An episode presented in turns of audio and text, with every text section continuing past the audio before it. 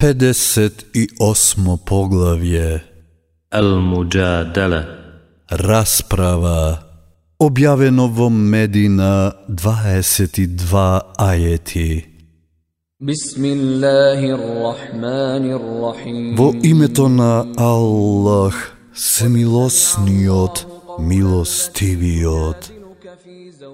Аллах ги слушна зборовите на таа што со тебе за својот маж се расправаше и на Аллах му се жалеше, а Аллах го слуша вашиот меѓусебен разговор, бидејќи Аллах навистина се слуша и се гледа. Тие од вас кои што на жените својке им кажат дека веќе не им се допуштени, како што не им се допуштени мајките нивни, а тие не се нивни мајки, мајки нивни се само тие што ги родиле, тие на вистина зборуваат лоши зборови и невистина, а Аллах сигурно ги брише гревовите и простува.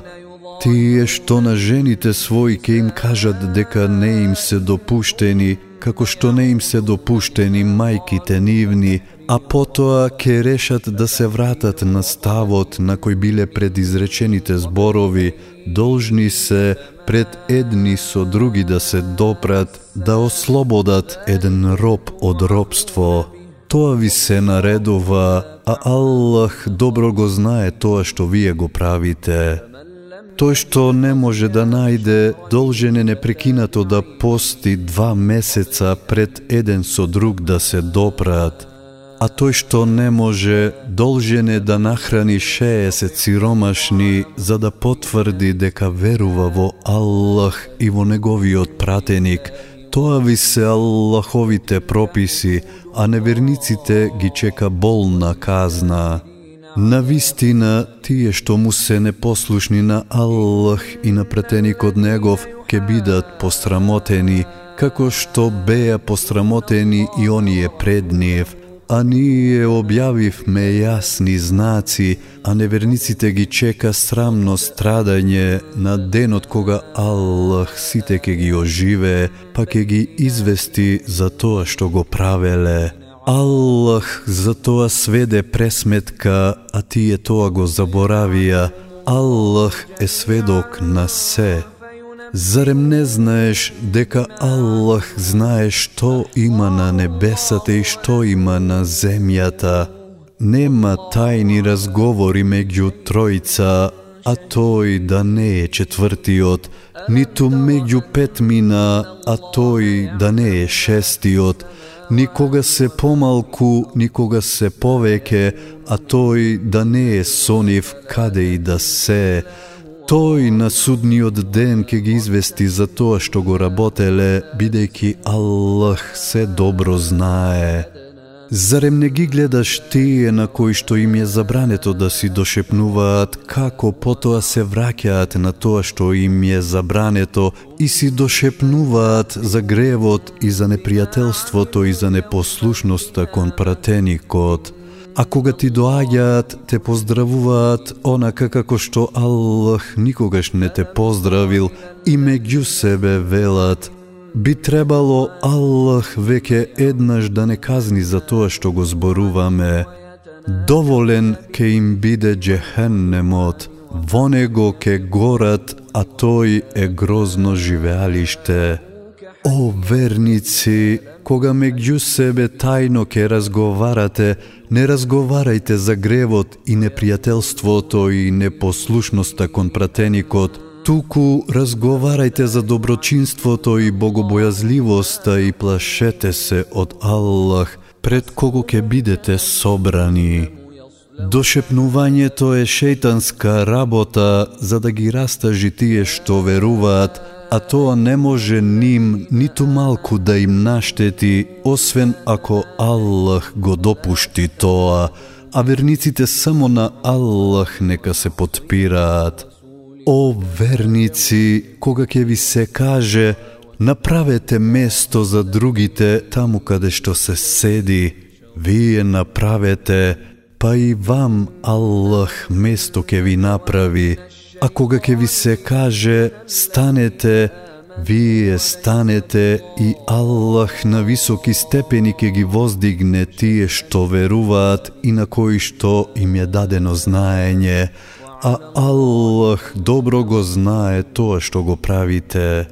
О верници, кога сакате со пратеникот тајно да разговарате, пред разговорот дадете милостина, тоа е подобро и почисто за вас, а ако немате, па Аллах навистина простува и милостив е.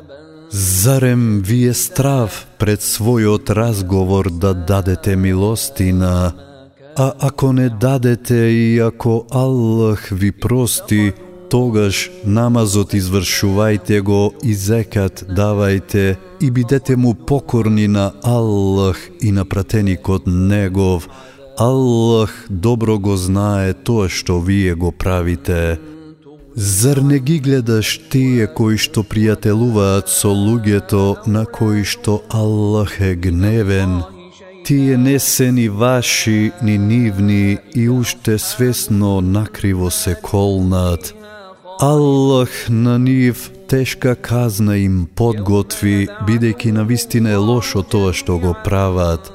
Ги зедоа своите заклетви како штит, па одвраќаат од Аллаховиот пат, нив ги чека срамна казна, ни богатствата нивни, ни децата нивни воопшто нема да им помогнат кај Аллах, тие ќе бидат жители на огнот во кој вечно ќе живеат. На денот во кој што Аллах сите ќе ги оживее, тие нему ке му се колнат, како што вам ви се колнат, мислејки дека тоа нешто ке им користи, тие се на вистина вистински лажливци.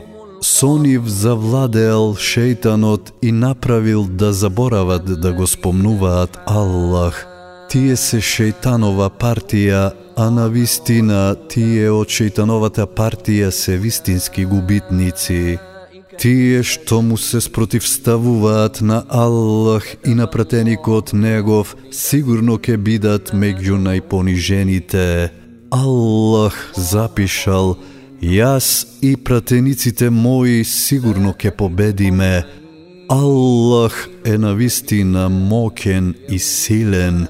Луѓето кои што веруваат во Аллах и во оној свет не треба да се сакаат со тие кои што на Аллах и на пратеникот Негов им се спротивставуваат, па макар и тие да им се татковци нивни или синови нивни, или браќа нивни, или роднини нивни. Тој на нив им всади верување во срцата нивни и со светлото свое ги зајакна и тој ке ги воведе во дженнетските градини низ кои што реки ке течат, за во нив вечно да останат. Аллах е задоволен со нив, а и тие ке бидат задоволни со него. Тие се Аллахова партија, а на вистина Аллахова партија се тие што сигурно ќе успеат. إن حزب الله هم المفلحون